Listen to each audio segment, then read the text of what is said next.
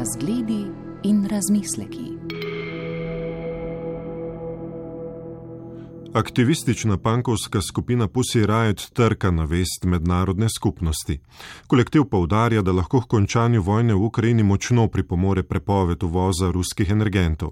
To je osrednje sporočilo turneje Riot Days, katero zbirajo denar za žrtve vojne in opozarjajo, da podpora vojni med Rusi ni tako velika, kot prikazuje ruska propaganda. Rusija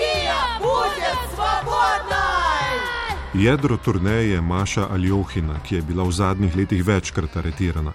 Potem, ko je oblast njeno kazen v obliki hišnega pripora spremenila v 21-dnevni staž v delovni koloniji, se je odločila, da bo domovino zapustila. Preoblekla se je v dostavljavko hrane in se po večkratnih poskusih prebila v Belorusijo ter pozneje v Evropsko unijo. Kmalo potem se je v Berlinu začela turneja Riot Days, katere del je bil tudi ljubljanski koncert. Kolektiv ga je izvedel na letnem vrtu Gale Hale na Metelkovi v okviru festivala Lezbična četrt, ki ga pripravlja Društvo Škuc. Он отметил, что ему больно видеть, как люди, называющие себя православными, начинают оправдывать «Пусть рая!» Хватит! Холодно, холодно, холодно! Нет, не хватит! Борис! Zakaj proti vojni v Ukrajini ne protestira več Rusov, je najpogostejše vprašanje, ki ga postavljajo novinarji, pravi Olga Borisova.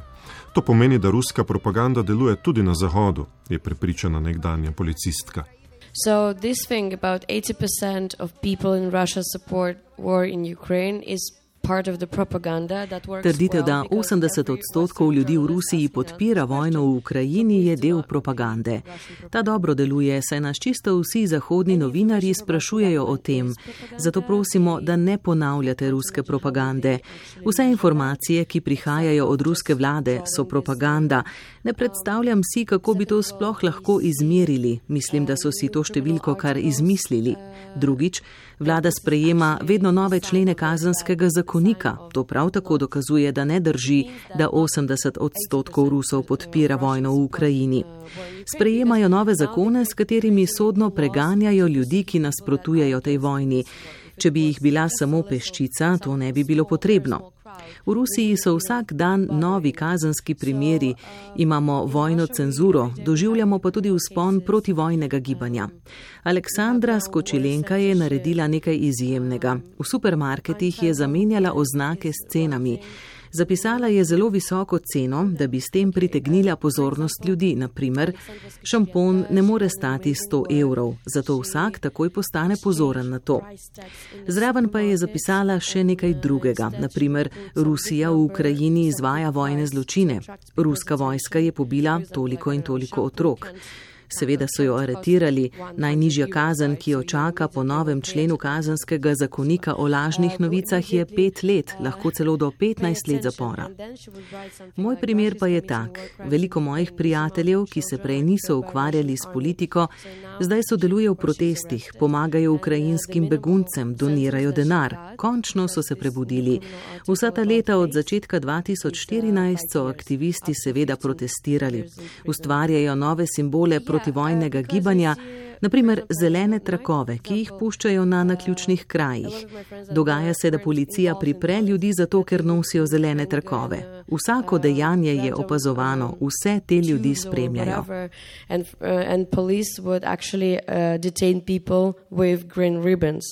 So you see, any action is uh, watched and all these people are followed. Maša Aljohina poudarja, da se Rusi trudijo. Tiho odhajajo v zapore za 10-15 let. Veliko teže jim je kot njim, ki imajo podporo sveta in zabavo z balaklavami.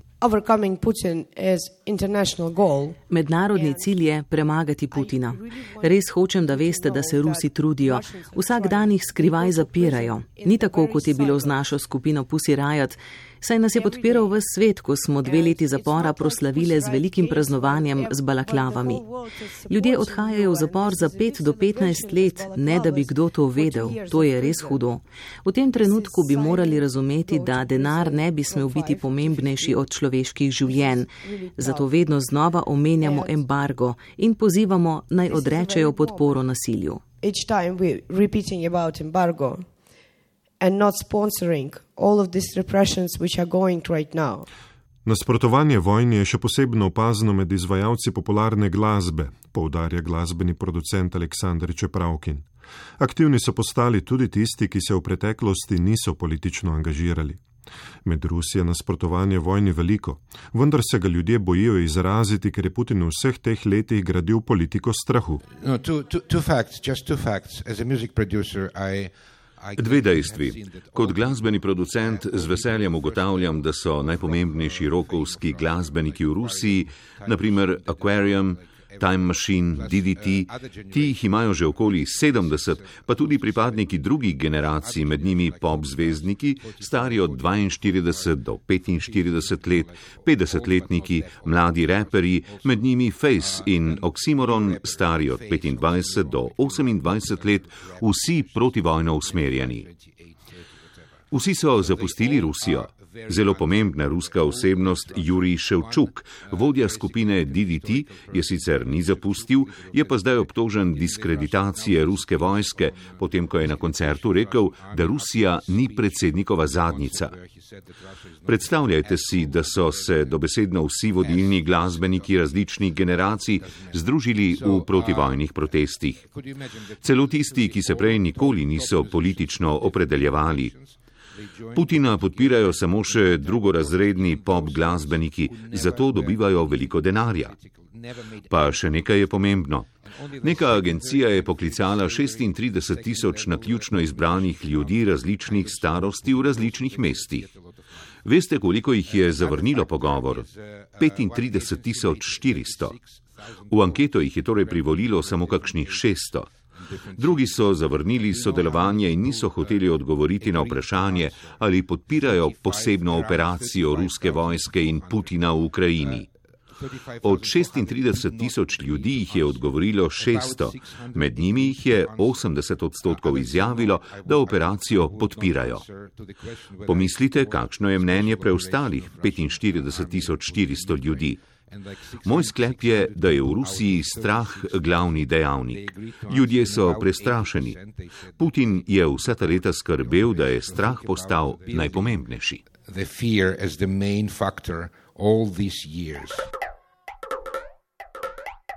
Putin сказал, что идет на третий президентский срок. Волшебная зима 11 года, снежная революция. Внезапная вера в возможность перемен. Мы выходили на площадь, выносили белые ленты. Ту зиму маленькие серые с Путина и игрушечный Медведев решили обменяться местами премьер-министра и президента России. Сфальсифицировали выборы в Госдуму. Мы верим в то, что Путин, если его сильно уколоть булавкой в зад, подскочит со своего президентского кресла и поскачет к черту! Каждый может быть Путин Райан! Ruska oblast se pri zatiranju protestov sklicuje na koncept velike zmage v drugi svetovni vojni. Uvaja vojno propagando in cenzuro. Vsem, ki bi objavili informacije o vojni v Ukrajini, grozi večletna zaporna kazen. Aljohina je bila dvakrat v zaporu, ker je bila obtožena, da širi nacistično propagando. Obtožbe o nacizmu so jo pretresle in užalile. Putin je naci. Mislim, da je nacist. Putin je nacist. V naši državi zdaj vladata vojna propaganda in vojna cenzura. Nezakonito je vojno imenovati vojna. Nezakonito je objavljati fotografije iz nje, fotografije iz Buče, iz Mariupolja. Nezakonito je objavljati informacije. Če objaviš kakršnokoli informacijo, tvegaš od 5 do 15 let zapora. To pa je res veliko. Nezakonito je tudi pozivati k sankcijam, zato te lahko zaprejo za tri leta. Ti nori zakoni lahko trajajo večno. Gre za to, da izkoriščajo veliko zmago v drugi svetovni vojni in na podlagi te nekako zagovarjajo svojo diktaturo. Sama sem bila dvakrat zaprta zaradi tako imenovane nacistične propagande. Ko se je decembra 2021 to zgodilo prvič, sem bila hudičevo pretresena Mislila sem si, jaz, pa nacistična propaganda, to res ni pošteno. Vse, kar se mi je zgodilo, je bilo krivično, to pa je bila dvojna krivica. Iz istega razloga so za mano v Moskvi zaprli še več drugih aktivistov. Začeli smo se pogovarjati o tem, kako to, da so prav zdaj proti nam začeli uporabljati to nacistično sranje. Mesec in pol pozneje pa se je začel napad na Ukrajino in v celoti so jo razglasili za nacistično. To je del propagande je zelo cinično, hinavsko, grozno. This is very cynical and and hypocritic and terrible. Vojna se bo razširila, če ne zaustavimo norega Putina, poudarja Ljohina. Ruski predsednik in njegov krok sta si nagrabila velikanske količine denarja, ki so ga ukradli ruskemu narodu. Nič se ni zgodilo, ko so oligarhi celo desetletje s krvavim denarjem kupovali nepremičnine in shranjevali denar v Evropi, protestnike pa so medtem pretepali, zapirali, zastrupljali in ubijali. Zbiramo denar za ukrajinsko bolnišnico v Kijevu, v kateri se zdravijo otroci, ki so jih poškodovali ruski vojaki in ruske bombe. Pobudo za to je dal Saša, naš ukrajinski prijatelj glasbenik. Prepričana sem, da je pri tem protivojnem gibanju nujna vsaj minimalna umetniška solidarnost. Če si umetnik, zate meje ne obstajajo. Pomembno je, da se zauzemamo za iste cilje. Prav zdaj bi morali razumeti, da se ta vojna, če je ne bomo zaustavili, lahko razširi vse povsod. Putin je pač preklemanski obsedenec. Tu ne gre za spopad z nečim slabim, gre le za zasedbo ozemlja drugih držav in poskus, da bi zelo hinavsko oživili truplo Sovjetske zveze. On in njegova tolpa hočejo denar. Končati hočejo preiskave, ki jih je izvajala ekipa Navalnega. Aleksej Navalni, zdaj je v priporu, se je potem, ko so ga zastrupili, vrnil v Rusijo in sam izpeljal neverjetno preiskavo o Putinovi palači. Njegova ekipa je iskala in še vedno išče lastnino, ki jo imajo ruski oligarhi po vsej Evropi. Zelo slabo je, da se je vse od leta 2014 to vsem zdelo čisto prav. Vse od priključitve Krima je Evropa spodbujala ruske oligarhe, da so kupovali nepremičnine, jahte, odpirali bančne račune, čeprav so vsi vedeli, odkot izvira ta denar. To je krval denar, ki je bil ukraden ruskim ljudem. Ljudi, ki so v teh desetih letih protestirali proti temu koruptivnemu sistemu, so pretepali, zapirali, zastrupljali. Nekateri pa tudi niso več živi, naprimer Boris Nemcev. And some of them are not alive anymore, like Boris Nemtsov.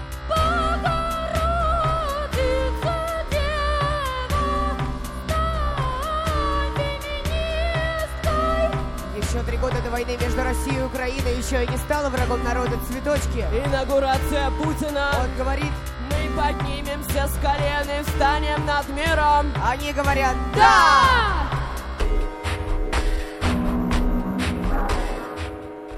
Vojna se ne bi začela, če bi se mednarodna skupnost o priključitvi Krima leta 2014 močneje odzvala. Zdaj pa je ustrezen odziv odločna prepoved uvoza ruskih energentov, s prodajo katerih se financira vojna. Uh, yeah, after 2014 that was really weak reaction. There's almost no reaction. Povedati moram da je bil odziv po letu 2014 res slab. Skoraj nič ga ni bilo to je strašno. Te vojne ne bi bilo če bi bil odziv takrat silovit. Nekatere države med njimi na primer Nemčija Francija in Italija so se izogibale sankcijam in so Putinu prodajale orožje. Zdaj v svet vidi, kako to orožje uporabljajo. Položaj je zdaj res strašen. Uvesti bi morali jasen embargo za nafto in plin. Polovico denarja, ki ga imajo ti kreteni, so dobili od nafte in plina. Ničesar niso izdelali, ničesar ustvarili. Samo izkoriščajo zemeljske vire in jih tukaj prodajajo. Denar, ki ga dobijo, pa porabijo za to, da pobijajo Ukrajince in zatirajo Ruse, ki se ne strinjajo z njimi. Žal je tako. Če si pogledate statistiko, boste videli, da so od začetka vojne v Ukrajini postali še bogatejši. Dvignili so cene, dobiček je narasel. Letošnji dobiček bo višji od lanskega. Uh,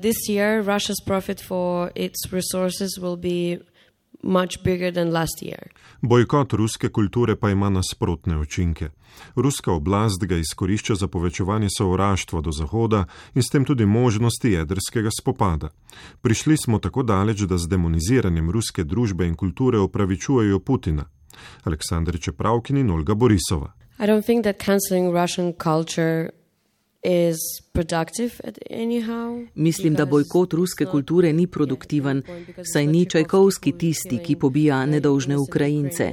Zdelo bi se mi bolje, če bi napadali politike in skušali vplivati na nje, pa tudi, če bi se bolj usmerili proti ruski vladi in tistim, ki imajo od nje koristi, naprimer proti ruskim oligarhom.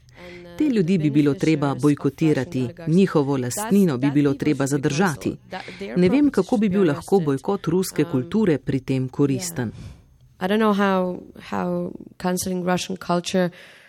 Would be productive in this way. Those people who and those governments, for instance, Polish government, I have. Uh, Tisti ljudje in vlade, ki poskušajo posploševati in demonizirati vse Ruse, naprimer polska vlada, sam imam izkušnje z njo, s tem nehote pomagajo Putinu in njegovi propagandi. Podžigajo vzajemno sovraštvo in odpirajo možnosti za veliko hujšo jedrsko vojno. Mislim, da je lahko demonizirati Ruse. Poznam celo veliko ljudi, ki so obdobje kritiziranja Putina in njegove tolpe preprosto preskočili, kar naenkrat pa so od sodelovanja s Putinom prešli k trditvi, da so vsi Rusi brezupni. To se mi zdi hudobno. Mislim tudi, da pomaga ruski propagandi. Rečejo pač, pogledajte jih, kakšni rusofobi so, sovražijo Ruse, Rusi, poenotimo se. Prepričan sem, da je to napačna, slaba smer.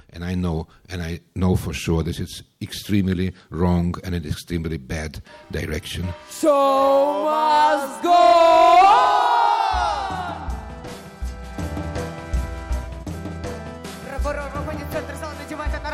резиновой перчатки! За смех в зале выгоняем без предупреждения! Имеется вещественное доказательство. Nastop skupine Pussy Riot v Ljubljani je bil težko pričakovan. Na dan koncerta, tik pred novinarsko konferenco, pa smo se novinari spraševali, ali bo kolektiv sploh nastopil, potem ko je zaokrožila informacija, da je članico kolektiva aretirala slovenska policija. Prav neverjetno se je zdelo, da so jo aretirali ravno v Ljubljani, saj je kolektiv nastopil tudi v drugih evropskih državah. Razmišljali so celo o tem, da bi novinarsko konferenco izvedli pred sodiščem. Zgodilo se je uh, nekaj nepredvidljivega. Žal so danes zjutraj prav tu aretirali članico našega kolektiva in prijateljico. To je strašno. Ob sedmih je v hotel prišla policija in jo odpeljala iz sobe, čež da jo išče Interpol.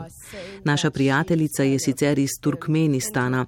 Ne vem, koliko veste o Turkmenistanu, ampak to je Severna Koreja. Zaprejo te že, če si pobarvaš obrvi ali nohte.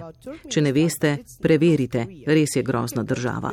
Povedali so ji, da je v preiskavi. Vse polno vizumov ima letalskih kart, že nekaj časa potuje z nami. Sem sem prišla naravnost sodišča. Policija ni razumela, niso nas spustili v poslopje sodišča. Je to tu nekaj običajnega? Če imate neodvisna sodišča, lahko ljudje in novinari vendar spremljajo, kaj se tam dogaja. Niso nam dovolili noter, to se mi zdi strašno.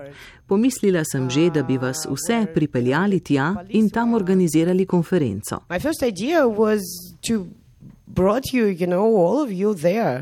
And just make this conference there. Yeah, uh, I am in correspondence and calls with a lawyer, and the, uh, he's uh, Dino.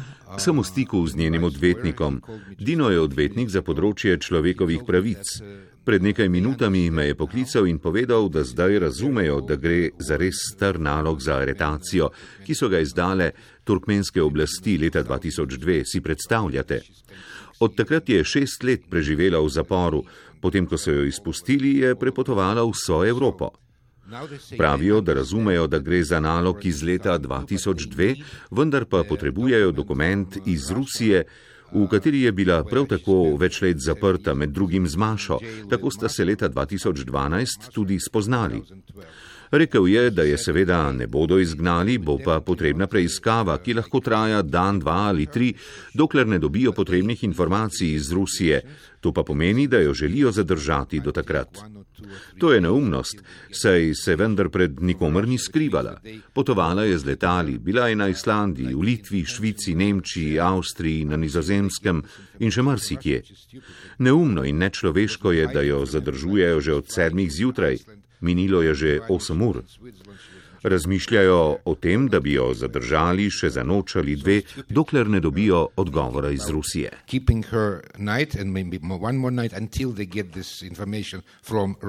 Spremljevalno članico aktiva Izolta Nijazovo so izpustili k malu po novinarski konferenci po približno desetih urah pripora. Aratirali so jo na podlagi več let stare tiralice iz Turkmenistana, po kateri naj bi financirala opozicijo v tujini. Slovenski preiskovalni sodnik jo je izpustil potem, ko je med drugim ugotovil, da je bila zaradi očitanih dejanj že kaznovana. Njena pot na prostosti pa ni trajala dolgo, le do šengenske meje, kjer je Nijazovo aretirala hrvaška policija. Po neuradnih informacijah je hrvaški urad Interpola prejel dopis turkmenistanskih oblasti, v katerem so potrdili, da je nalog za aretacijo še vedno veljaven. Nijazovi je hrvaški sodnik zaradi tega odredil ekstradacijski pripor, kar pomeni, da je grozi deportacija v Turkmenistan. Nijazova ima pravico do pritožbe. Olga Borisova je medtem na svojem Facebook profilu zapisala, da turkmenistanski duh represije preganja Aju tudi po šestih letih zapora za nič smrt diktaturam.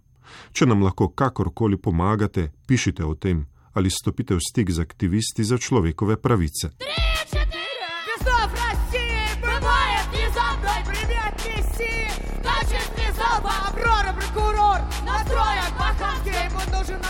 Они красивые глазки. Вольер для протеста Фото, матрешка. Тюрьма для болотной Наливка и горка. Петля, конституция На зоне детишка Стабильность, пайка, завод Мышка Пути научит тебя любить родину Пути научит тебя любить родину Пути научит тебя любить родину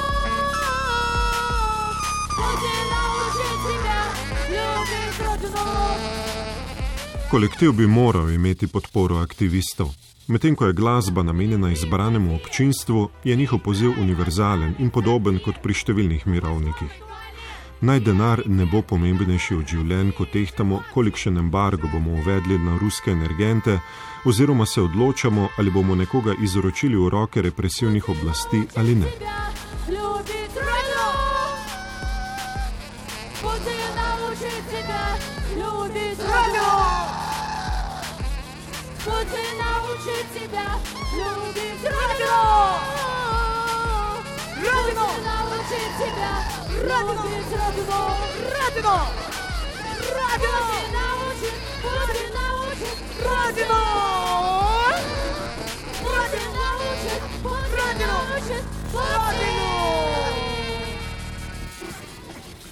Podajo smo pripravili ob gostovanju skupine Pussy Riot na Metelkovi v Ljubljani.